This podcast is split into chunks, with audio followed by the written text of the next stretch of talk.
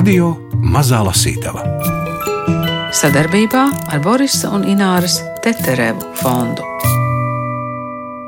Anšlavs kā moderns rakstnieks saprata, ka darbs ar rakstām mašīnu ir progresīvākais, ko cilvēks izdomājusi. Nobela prēmija no manis nokrekšķējās eglītis. Bija jau savdabji, piemēram, Aida Niedra, kas turpināja rakstīt ar roku, lepni piebilstot, ka smadzeņu darbība saistīta ar rokas virzienu, ar uzspiedienu, ar burtu slīpumu, un domas nevis veidojas galvā, bet roka velkot līnijas un burtus veidot tekstu. Vienīgais no Anšlavam zināmajiem kolēģiem, kurš no Latvijas bēgot bija paņēmis līdzi rakstām mašīnu, bija Valdemārs Kārkliņš. Vietas cilvēks, Citi, un viņš pats arī nezina, kāpēc iedomājās, ka pasaule būs pilna ar latviešu burtu mašīnām. Nekā nebija. Tas stāsts ir par laiku, kad ēdienas un rakstām mašīna ar latviešu burtiem bija vienlīdz svarīgas vērtības. Pēckara trimdnieki Anšlaus Eglītis un Veronika Janelsiņa piecus gadus dzīvo Vācijā netālu no Šveices robežas Švābu zemē. Ko nozīmē būt latviešu rakstniekam? Rakstīt latviešu valodā, domāt par latviešiem, Vācijā pēc otrā pasaules kara un tagad. Laima Kote to tieši un netieši jautā romānā par Anšlavu Eglīti Cilvēks ar zilo putnu. Laima Kote sazvanīta Turcijā, kur viņa tagad dzīvo, bet Gunārs Āboliņš lasa Rīgā Latvijas radio studijā. Kā visa pasaule apsēdās mājasēdē, tā es arī. Un pēkšņi es sapratu, ka uh, atbilde, kā jāuzraksta romāns, ir rokā. Jo zināmā mērā Tad, kad uh, sapratu, ka Anšlaus Eglītis nolienot mazajā Pelsingenes ciematiņā Vācijā, ir gluži tieši tādā pašā izolācijā no lielās pasaules, kā es, kas sēž Stambulā pie Bosfora. Un tad man kļuva pavisam viegli, un es sapratu, kādā veidā man tas romāns ir jāuzraksta. Un atlika tikai sēdēt un pierakstīt. Kādā veidā jūs to klātbūtni sajūtāt? Divas lietas. Viena bija klasiski, tipiski mistiskā, kur piedalās vienmēr rakstniekiem klāt. Ļoti biežas situācijas. Un otra no interneta dzīvēm. Es biju paredzējusi, ka es aizbraukšu, apskatīšos. Laikam to man būs jāizdara vēlāk. Bet viena no šīm lietām, kā es sapratu, kā atrodas šai mazajā ciematiņā, ir tā, ka es uzzīmēju plānu, šos sešus ceļus, es iedomājos, kā tas varētu būt un, un sāku rakstīt. Un, eh, tā kā es biju lasījusi švābu kapričo, tad es apmēram iedomājos, kā tā pilsētiņa varētu ar mazajiem leļu tipa namiņiem izskatīties, fabrikas, kur varētu būt darbnīcas, maiznīcas un visādas lietas. Tad es to tā uzzīmēju plānu, man viņš vēl tagad stāv priekšā ar visām ielām, ar visu es to plānu uzzīmēju. Un pat no vienas puses neizbrīnījos, ieraugot īsto Telfingenes plānu, ka tiešām tur ir seši ceļi, kas sajiet vienā tādā laukā, kuru es romānā biju nosaukusi par bišu lauku. Un uh, varbūt tās iedomājoties vai zinot situācijas, lasot ļoti daudz materiālu par pēckara Vāciju, man šis romāns tapa ļoti, ļoti, zināmā mērā, ļoti viegli, tā var teikt. Un kāpēc viegli? Tāpēc, ka divus gadus kopš zināju, ka es rakstīšu romānu par Anšlavu Eglīti, es biju vākusi materiālus kā pēle, vāc, graudus, liek sev zināmās slēptuvēs, vietās un kaudzēs, un lasa un lasa, un, un liku dažādas šos materiālus kaudzēs, tad grupēju. Un tā man šis romāns uzrakstījās jau konkrēti par Anslavu Eglīti, ko viņš varētu darīt tieši Vācijā. Tā es arī to sapratu. Jo no sākuma domāju, nu, kā tas ir. Anšlaus Eglīts par sevi ir tik daudz un tik labi par sevi visu aprakstījis, savu dzīvi aprakstījis, gan līdz karam, bērnību, Amerikā. Ko tu tur vēl tu vairāk pierakstīsi vai izdomās? Tad es biju iedomājusies, ka es viņu varētu ielikt dažādās pasaules vietās, kur viņš varētu būt bijis. Lai man pašai būtu interesanti un lai tas nebūtu tikai tāds apraksts atkārtojums, pusls atkārtojums. Un, nu, tāpēc tā Vācija, par ko viņš ir ļoti maz stāstījis, Vācijas periods man pašai bija interesants un domāju, ka Anšlavam Neglītam, ja viņš to lasīs, viņam arī būs interesanti. Vai latviešu lasītājam būtu interesanti lasīt par vācu pilsētiņu, kur cits citu pazīst ne tikai pēc vārda un sejas, bet zina ilgi vienā vietā dzīvojošo dzimtas dzīves stāstus no 17. gadsimta? Veronika precizēja. Ja tajā piedalītos kaut pāris latviešu, tad interesētu gan. Par ko gribētu lasīt bez dzimtenes palikušie latvieši? vai šajos laikos kāds vispār gribētu lasīt?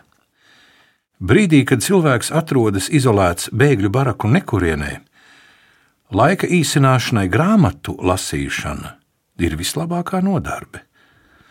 Cerams, ka būs pieticis lasīt pastāstus par Lības un Pētera cerēšanos, meņģēšanos, lakstošanos, kur dienas paiet tekot pa Latvijas sētas baltajām takām līdz 1940. gada baigajai vasarai. Tagad no katra stāsta burtiski piesauc un glorificē nāvi. Ko tik lasi tā autors varoni nobeidza?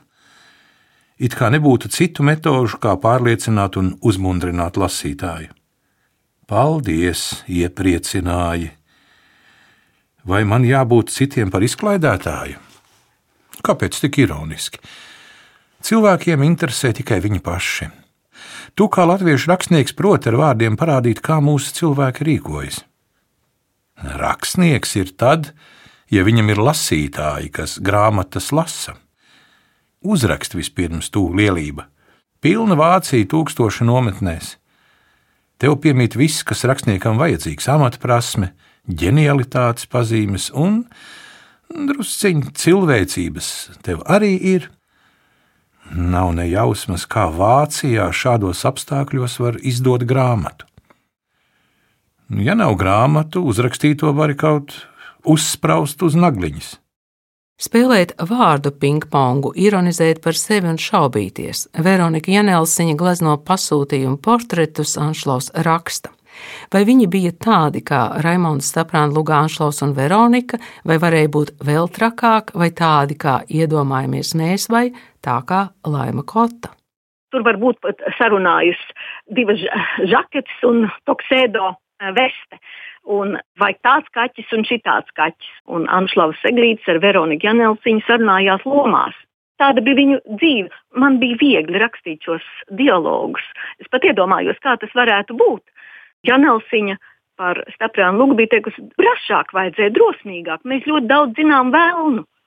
Un tieši šī vēlna dzīšana uh, man šķita ierosinoša un, un arī rokas atbrīvojoša. Lūdziņu uzrakstīt man kaut kā ar lūgu iestudēšanu neveicas. Režisoris sasola gan, bet Anšlava no Latvijas kāds pussimts aktieru atbeidzis. Sēž dažādās nometnēs bez darba, velk laiku aiz astes. Cita darba, kā spēlēt, viņi nemaz nevar iedomāties. Bez atzinības mirst nost. Nu, viena grib spēlēt, otra skatīties, ko gribētu redzēt nometinātie latvieši. Gan jau par sevi, par latviešiem, kādi no esam. Un, ka tik paši nenobīstas, ka tik neapvainojas. Kāpēc jūs, prāt, Anšlaus Eglītis par šo Vācijas laiku tik maz ir rakstījis pats? Iespējams, ka e, tā bija citādāka dzīve. Un ko tur daudz rakstīt? Sēžu un rakstu, un reizēm tiekos ar draugiem, kas ir tālu, līdz kuriem vēl jāiztiek. Es sapratu no uh, ierakstiem dienas grāmatā, ka ar Pelfingenes ārstu viņš ir braucis reizēm ar mašīnu, bet parasti tas bija ar vilcieniņu, kur vēl bija jāpārsēžas. Un tāda izraušanās no mazā ciematiņa Ko tur daudz tur var uzrakstīt? Šodien darīju to, rītdien to. Tie ieraksti dienas grāmatā, ar kuriem man laipni dalījās Anšlava Eglīs un Veronikas Janelsiņas fonda darbinieki, tas bija nenovērtējami. Bet, un palasot dienas grāmatu ierakstus, es biju ļoti pārsteigts par to, ka Eglītis ir ierakstījis, ko viņš ir darījis ļoti īsi. Varbūt tās, ko ir saticis, nav tādu lielu pārdomu vai literāro varoņu uzmetumu, prototipu ir īsi, ļoti konkrēti pieraksti. Tādēļ es arī domāju, nu, ko tur daudz runāt, pieci gadi labi, ka pagājuši. Švābu sabiedrība Telfingenā un latviešu trimdinieki pārvietojamo personu nometnēs, kā viņiem patīk domāt, ne dīpīši, bet dievputniņi. Viņi visi satiekas Laimas Skotas romānā par Anšlo Veglīti, cilvēks ar zilo putnu. Vērmelis. Tāds fragmentiņš. Iestājoties siltam laikam, ielūgumus uz latviešu dziesmu dienām viņi bija sākuši saņemt kaudzēm vien. Latvijas tomēr izrādījās interesants tips, secināja Anšlavs. Tikko viņam nekrīt bumbas uz galvas, tikko kā ierāda kaktu, kur piemesties dzīvot, tā latvietis iedzīvojas tajā vietā kā uz mūžu. Jauns sudrabiņa aprakstīts jūrģu princips. Lai kur arī atrastos, kaut uz gadu kā savulaik kalpos gājēji, ierādītais zemes kaktiņš tiek apčubināts, sakopts, saimnieces iestāda puķes un dilles, pat kakts ierīkots kā uz palikšanu. Lai cik kritalīga māja, tā tiek ierīkota kā omulīgs kosmos. Tomēr esam vietasēži. Šī atziņa Anšlavu sildīja. Visas pa Vāciju izklēdētās latviešu bēgļu nometnes bija sadalītas un nosauktas novados pēc Latvijas modeļa, lai ausīm patīkami un sirdī tuvāk. Kopš vasaras sākuma nometņu latvieši bija pasākuši rīkot dziesmu dienas. Kad tik lustes, kad tik satikties, biedroties un pavilkt laiku. Anšlaus bija noteicis un pabrīnījies. Viņam bija klusa cemme uz savējiem.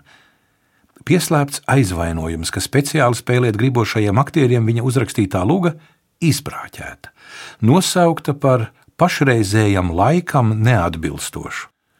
Ar prātu Eglītis saprata, ka krupis pašam vien būs jānorīd. Kaut kā viņam ar lugām neveicās ne Rīgas laikā, ne ārpus, ne tur, ne te. Ar lugām negāja tik viegli kā ar grāmatām. Paskat vien brašie Latvija. Nobijās no uzraudzītājām varas iestādēm maktenie Latviju lāčplēši, kā tik varas iestādes nepareizi nesaprot nabaga bēgļus. Anšlav rīmsties, nu, Veronika viņam piebikstīja. Vismaz atslābini žokli. Esi sarausis smaidu, ka zobus neatkost. Nu, dien, tev sakodienas kā buldogam. Viņš saka, vai cik daudz ir aicinājumu piedalīties tādās dziesmu dienās, šitādos dziesmu svētkos, šitādos dziesmu parādēs. Viņš saka, kad tur var strādāt, ja tev visu laiku jāiet pa ballēm. Tie, kas dzīvo nometnēs, tiem nav ko darīt, tiem latviešiem, tie tik šui tērpus, tie tik mēģina kopdziedāšanu, kopmēģinājumos iet, un tiem ir ko darīt, bet rakstniekiem tā nevar.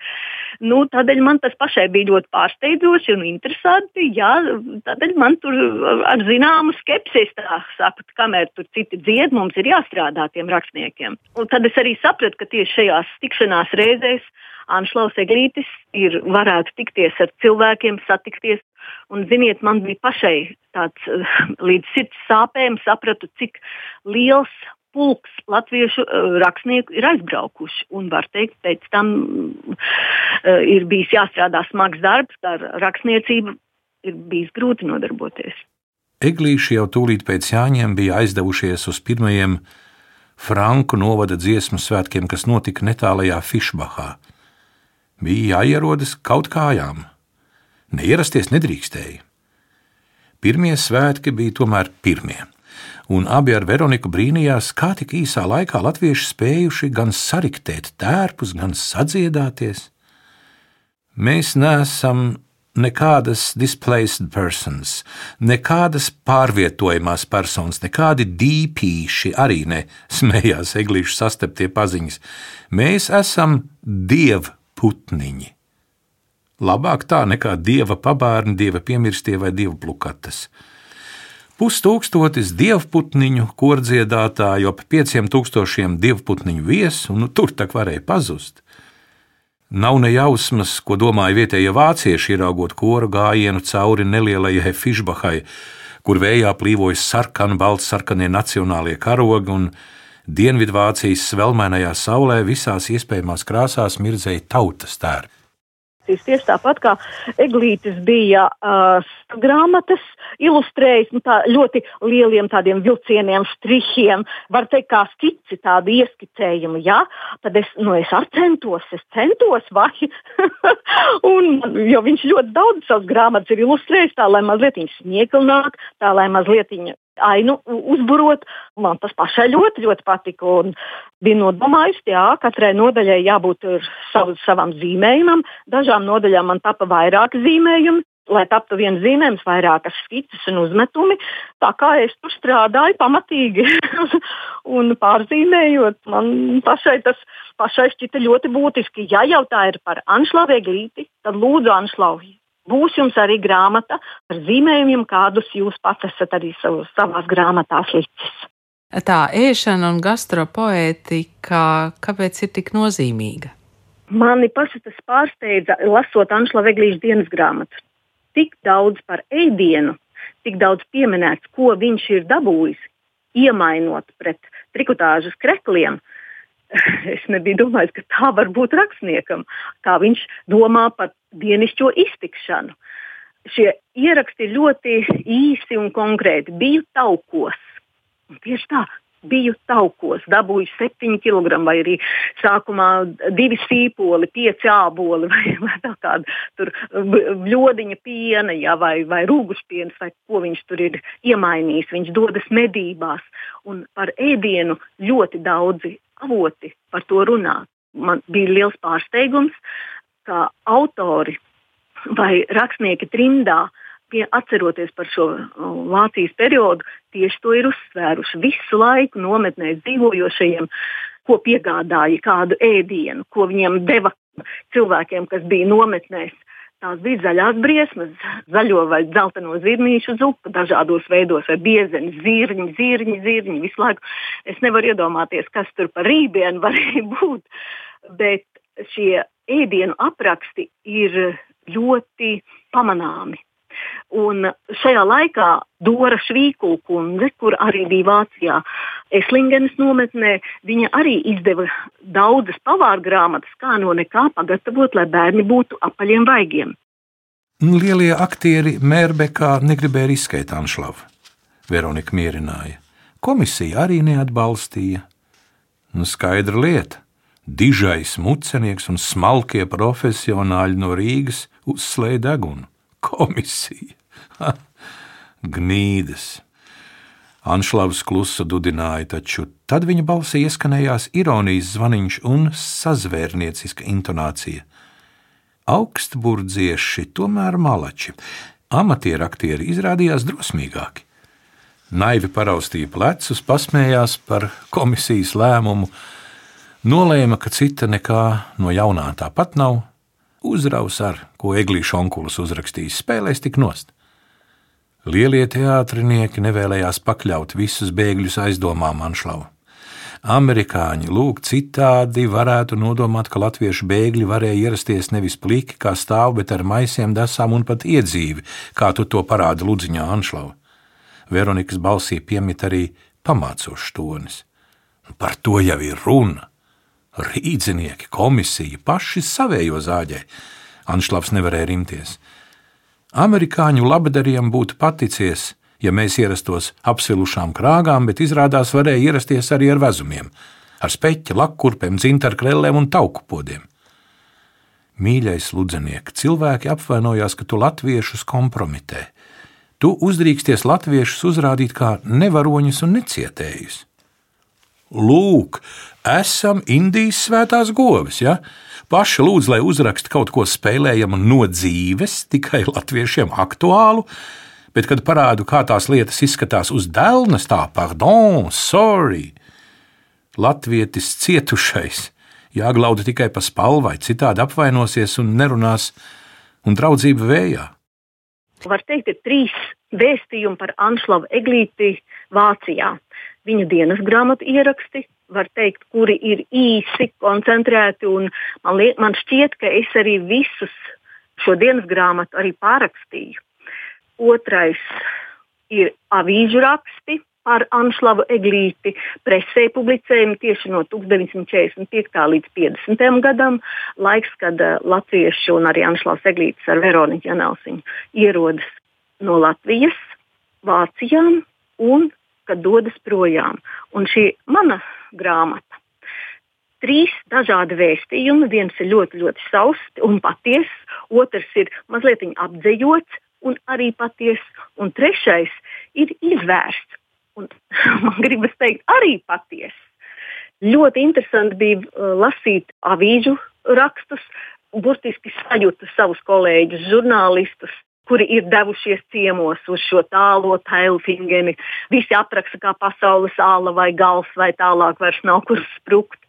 Un kā žurnālisti apraksta šo viesošanos pie uh, Anšlava Eglīša, tā ir pavisam citādāki teksti nekā Anšlavs Eglīts dienas grāmatā to ieraksta. Viņš pat bieži vien nav ierakstījis to, ka viņu apciemo vai vēl kaut ko.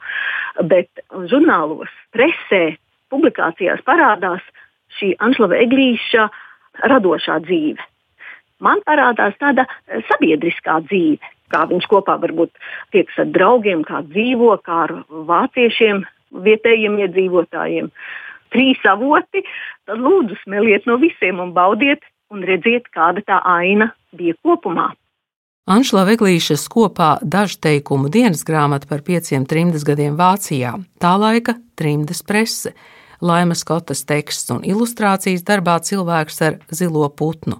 Tās ir trīs realitātes. Izdevusi dienas grāmata. Tieši tas, ka projektā par katru no 13 rakstniekiem top gan romāns, gan literatūras zinātniska monogrāfija, ir atbrīvojis rakstnieces Laimas Skotas fantāziju. Viņa ar nepacietību gaida monogrāfiju par Anšlavu Eglīti, bet mums lasīšana sagādā arī negaidītas tikšanās, dzīvē, sarunās un tekstos. Beigās pēc diškoncerta turpat virsos un priedulājā visi galīgi salīja. Sāka gāzt īsts jāņu lietus. Sanākušies smiedamies metās bēgt, bet kur lai dziedošais tūkstotis paslēpjas zem priedēm? Nav jau zemzaru eglis. Nācās skriet uz nometnes barakām pie draugiem, pie uzaicinātājiem.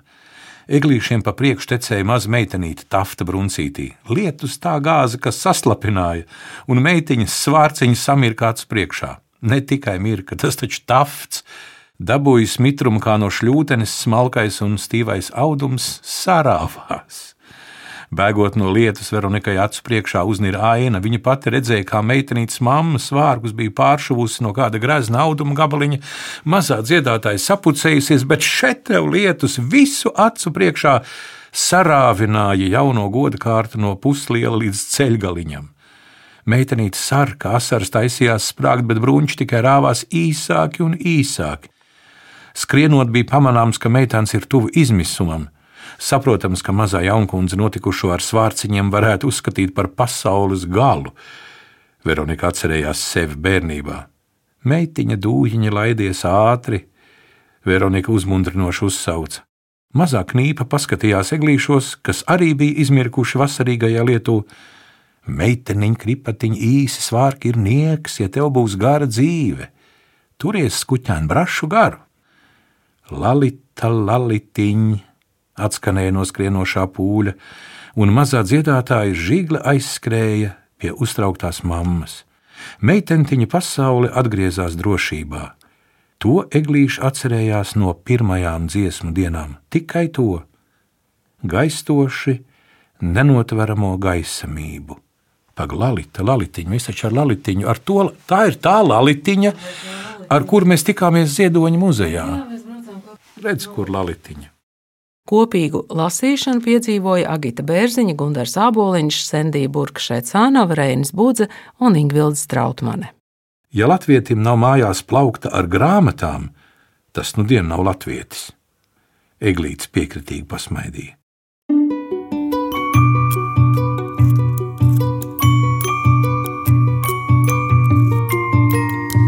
Radio Mazā Lasītava sadarbībā ar Borisa un Ināras Teterevu fondu.